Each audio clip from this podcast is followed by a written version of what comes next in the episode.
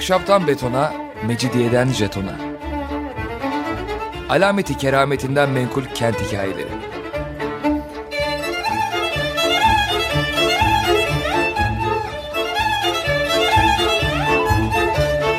Hazırlayan ve sunan Pınar Erkan.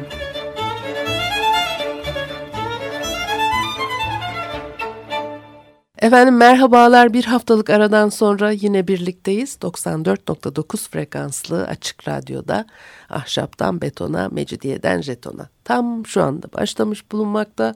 Anlatıcınız ben Pınar Erkan. Elektronik posta adresim pinarerkan.yahoo.co.uk Bugün programımızda Tanzimat Sarayları'nda bir e, düğün e, ritüelinden size e, söz etmek istiyorum. E, Necdet Sakoğlu'nun e, çalışması en temel kaynağımız. E, tabii e, 19. yüzyılın ilk yarısında e, çok yenilik var her şey çok hızlı bir şekilde e, değişiyor. Batı'yla e, etkileşimlerde 18. yüzyılda başlamış olmasına rağmen 19. yüzyıl büyük değişim ve dönüşümlerin olduğu bir dönem. Ve Osmanlı saray e, geleneklerinde Topkapı'dan Beşiktaş Sahil Sarayı'na aynen taşındığını görmek burada tabii enteresan. E, nasıl olmuş tabii bu dönem e, orada eksiklikler de var. Çok o incelenmiş bir konu da değil bu. E, bir yandan e, tabii daha e, Avrupa'yı saraylar yaptırılıp yeni mekanlar, saray ve e, harem halkının alışık olmadığı mobilyalarla donatılıyor. Bir yandan da geleneksel mekan düzenlemelerinin ve mefruşat alışkanlıklarının da korunmaya çalıştığını görüyoruz. Ve bu çelişkiler içerisinde yepyeni, yarı Frankvari, yarı doğulu bir Osmanlı e, üslubunun ortaya e, çıkması, doğudan batıdan alınıp e, özgün bir e, senteze ulaştırılmış tabii bir eski saray e, bir yaşamı var ve bu atmosfer içinde bile büyük ölçüde sürdürülüyor. O padişah iradelerini de e, aşan saray e, kurallarının varlığını e, daha önce e, yine sarayla ilgili bir takım e, değişiklikleri e, anlatırken e, konuşmuştuk. Yani öyle her şey padişah her istediğine e, istediği gibi istediği şekilde yapamıyor. E, o kurallar e, fetihten beri işliyor. İstanbul'un alınışından itibaren yapılan uygulamalarda saray ritüellerinde bir takım şeylerin devam ettiğini, başladığını ve devam ettiğini ondan sonraki dönemlerde görüyoruz. Batılı etkiler tabii çok önemli. Bir taraftan bakıyorsunuz... Özellikle e, Boğaz'daki yalılara giderken işte padişah iradesiyle e, yapılıyor bu değişiklikler. Değişiklik demeyelim de e, yer değişikliği diyelim. Dönerken de yine padişah iradesiyle hani hadi gidiyor hadi gidiyoruz gidiyoruz hadi dön deyince de dönebiliyorlar öyle kendi istedikleri zamanda şehre dönemiyorlar yazlıklardan. E, ve tabii hep öyle anlatılır 2. Mahmut e, zamanından önce işte kayıklarda daha çok böyle e, yastıklar, yer örtüleri e, varken taşınan yanlarında yalılara giderken 2. Mahmut zamanından itibaren bakıyorsunuz böyle sehpalar, masalar, sandalyeler girmeye başlamış yanlarında götürdükleri eşyaların e, arasında. Bir de tabii e, ilk e, gümüş çatal bıçak takımının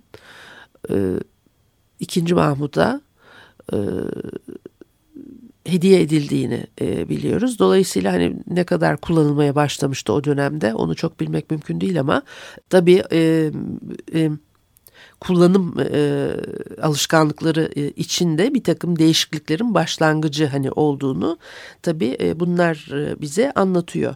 Şimdi e, uzun bir e, süre boyunca Bursa, Edirne, İstanbul'un eski saraylarında e, tabii e, oluşa gelen bir teşrifat ve gelenek var ve bir yaşam felsefesi ve bir varoluş biçimi olarak Orta Çağ'dan işte Yeni Çağ'a kadar bütün zamanlar boyunca e, korunan bir e, düzen var.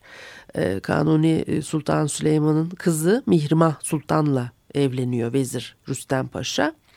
Tabii bu çok önemli bir şey sultana damat olmak ama bir taraftan da tabii dezavantajları da var veya her şey o kadar da güzel olmayabilir tabii e, içeriden onu yaşarken.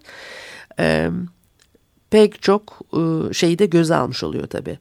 E, Sultan Abdülmecit'in kızlarıyla e, evlenen Galip Ethem ve İlmi, e, İlhami Paşalar da aynı koşullara ve e, ritüellere e, uyuyorlar.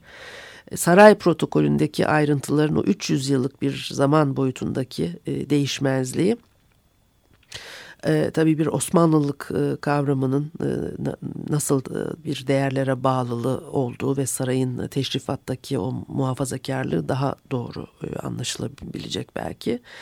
E, böyle hani bir tarafımla beni çok e, rahatsız eden bir ritüeli e, anlatacağım şimdi size e, çadırdan saraya geçen işte bakıyorsunuz beylikten imparatorluğa e, yükselen Osmanoğullarının saray ve harem e, kadroları kendileri dışında Türk ve e, soylu olmayanlardan e, oluşuyor daha çok ama e, Türk ve Türkmen geleneklerini o saray çevresinde e, çok ciddi bir şekilde yaşatıyorlar.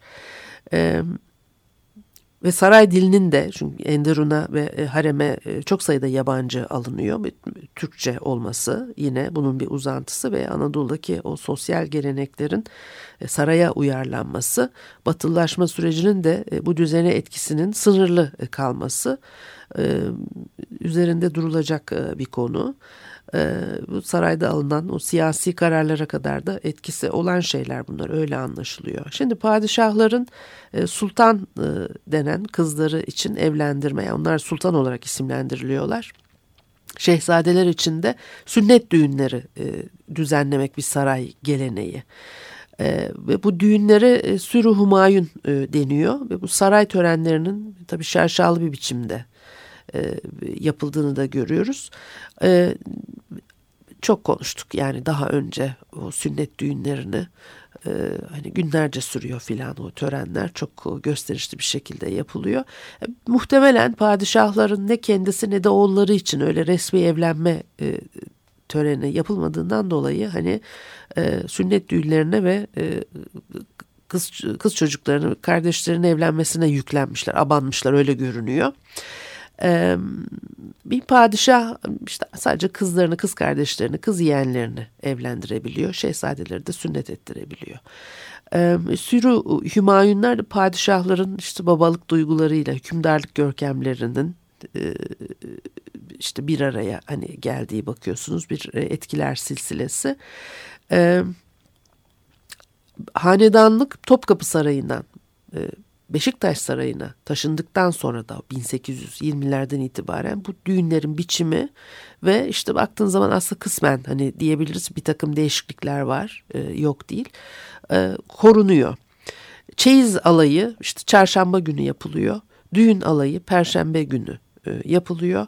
Alaturka saat 5 civarında e, başlanıyor ve e, tabii e, düğün protokolünün hiçbir ayrıntısı değişmemiş. Belki tek yenilik gelinin bir e, sahil saraydan ötekine e, götürülmesi ve düğün alayları ağırlığının da e, tabii bu durumda denize yani su yoluna e, kaydırılması oluyor. Çünkü daha önceki dönemlerde tabii ki e, at ve arabalar hani ile e, gidiyorlar. Bir de tabii o yollardan hani geçtikleri yollar da belli ve e, şehir içi sirkülasyonla da tabii e, ilgili bir şey. Tabii sarayı Topkapı Sarayı'ndan Dolmabahçe'ye taşıdıktan sonra elbette e, bu, doğal olarak bu da e, bu şekilde değişecek ama e, muhtemelen e, ilk kez 1854'te Fatma Sultan Ali Galip Paşa e, düğününde uygulanan bir şey bu.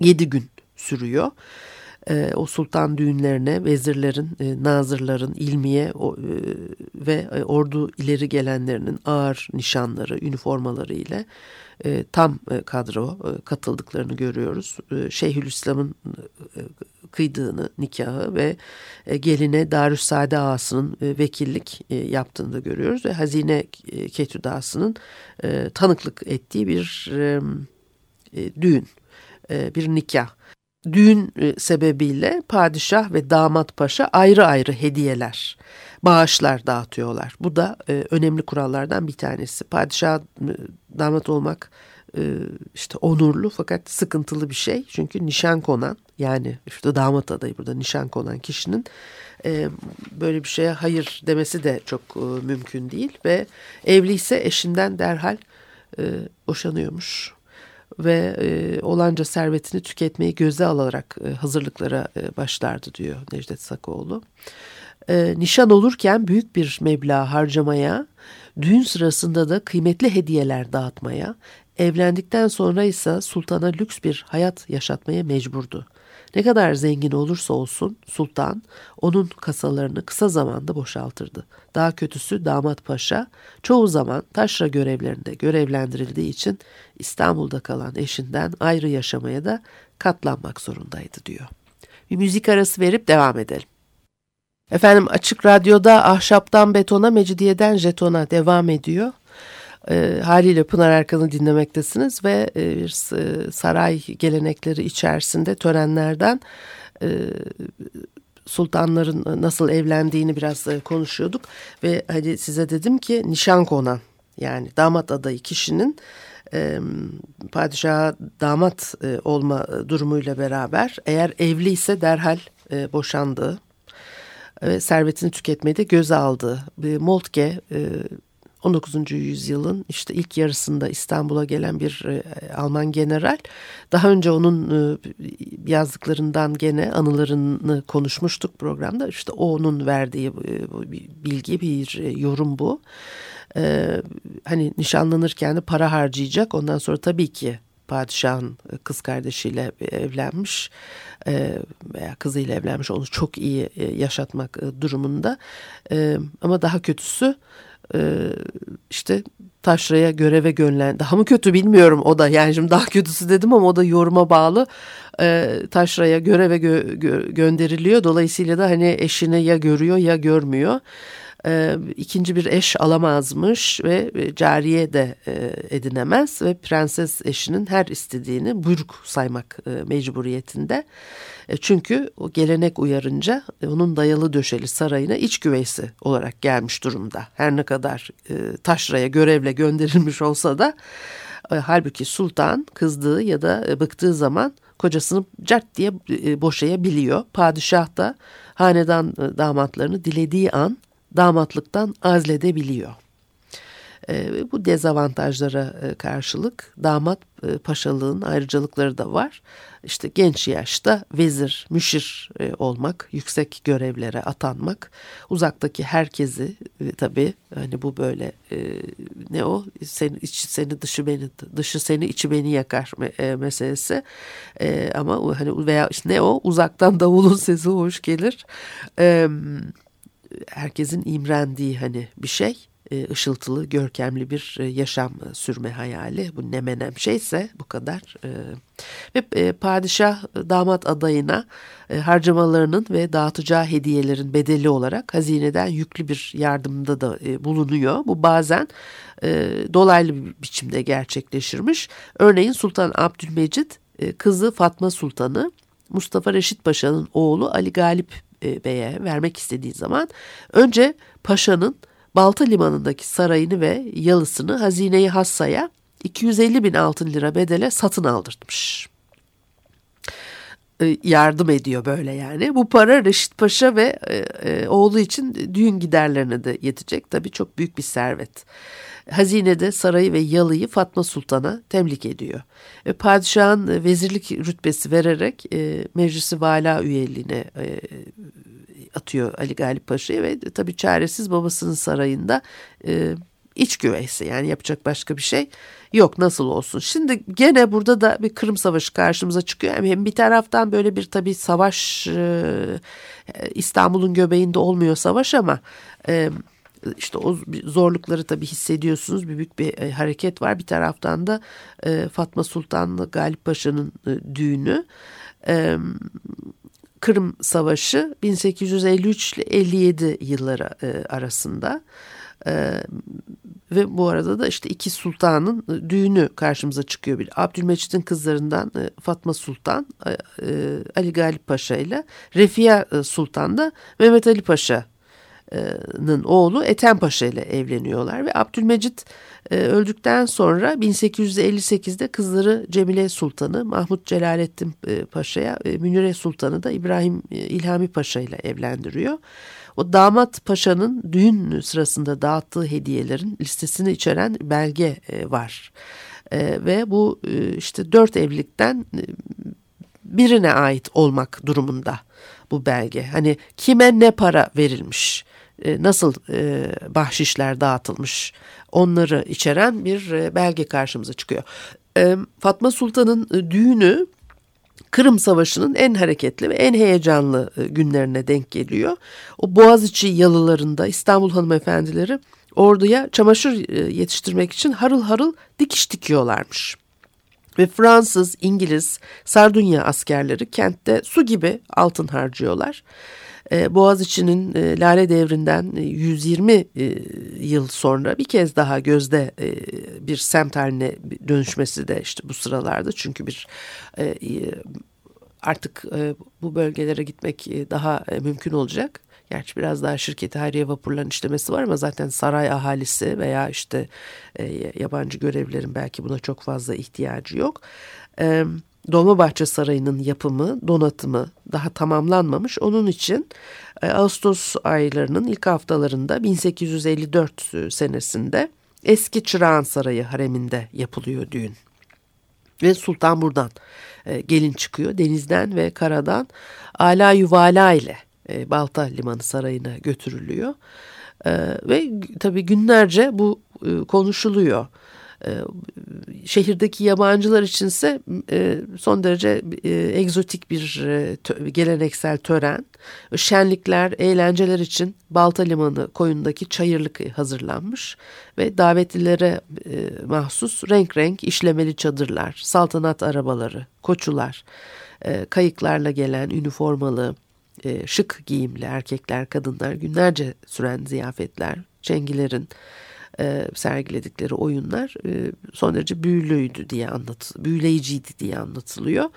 E, Beyaz Sahil Saray satın alınmış ve e, Rumeli tarafında kalan ve Bendegan dairesi olarak düzenlenen eski Reşit Paşa yalısı. O ikisi arasındaki hiyaban yani ağaçlıklı yol demek. Bu şahane e, düğünün dekoru böyle bir şey çıkıyor.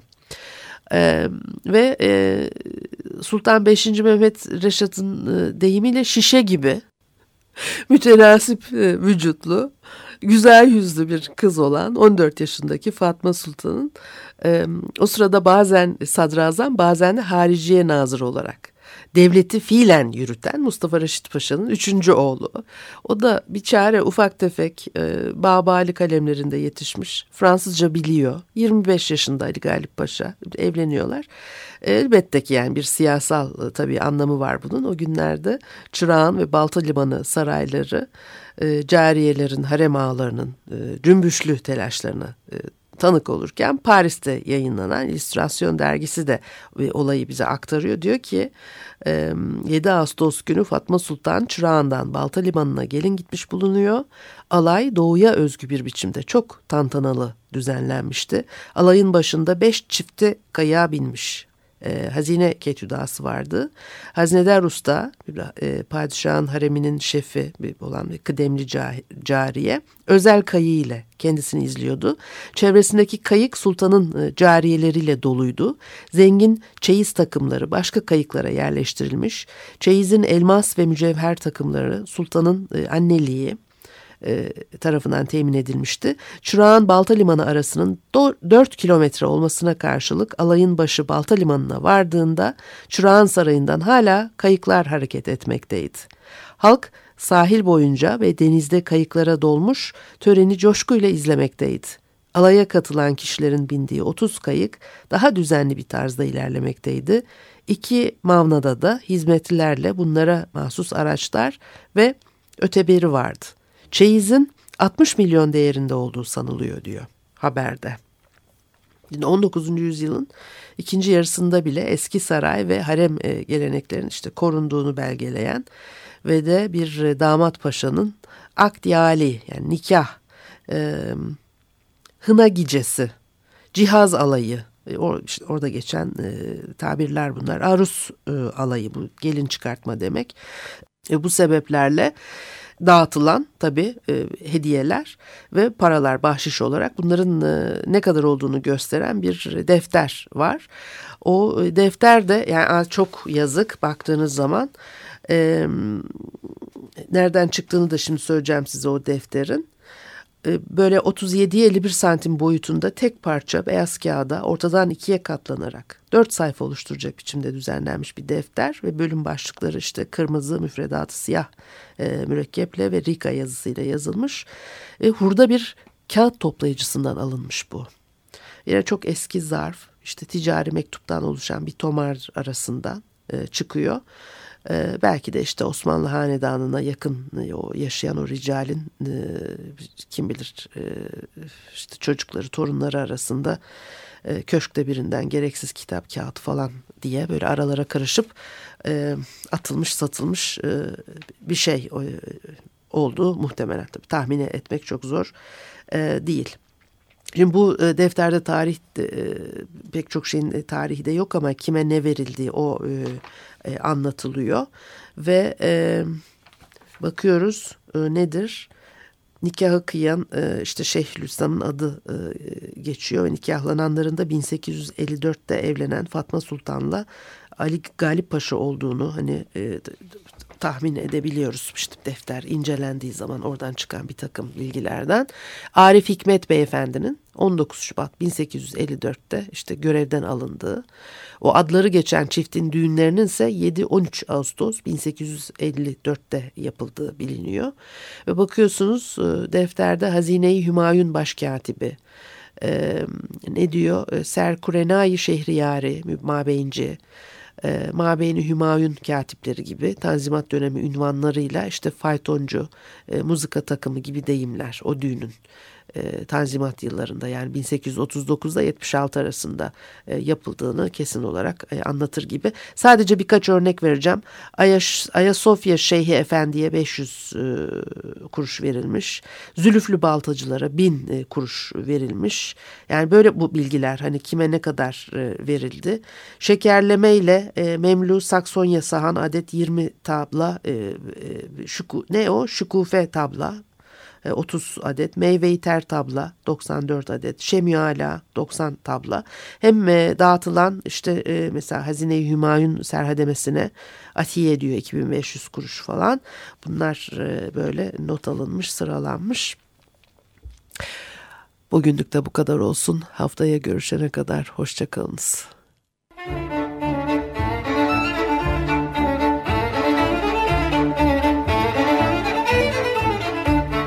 Ahşaptan betona, mecidiyeden jetona.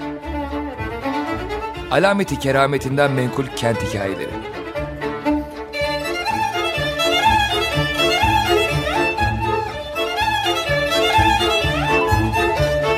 Hazırlayan ve sunan Pınar Erkan.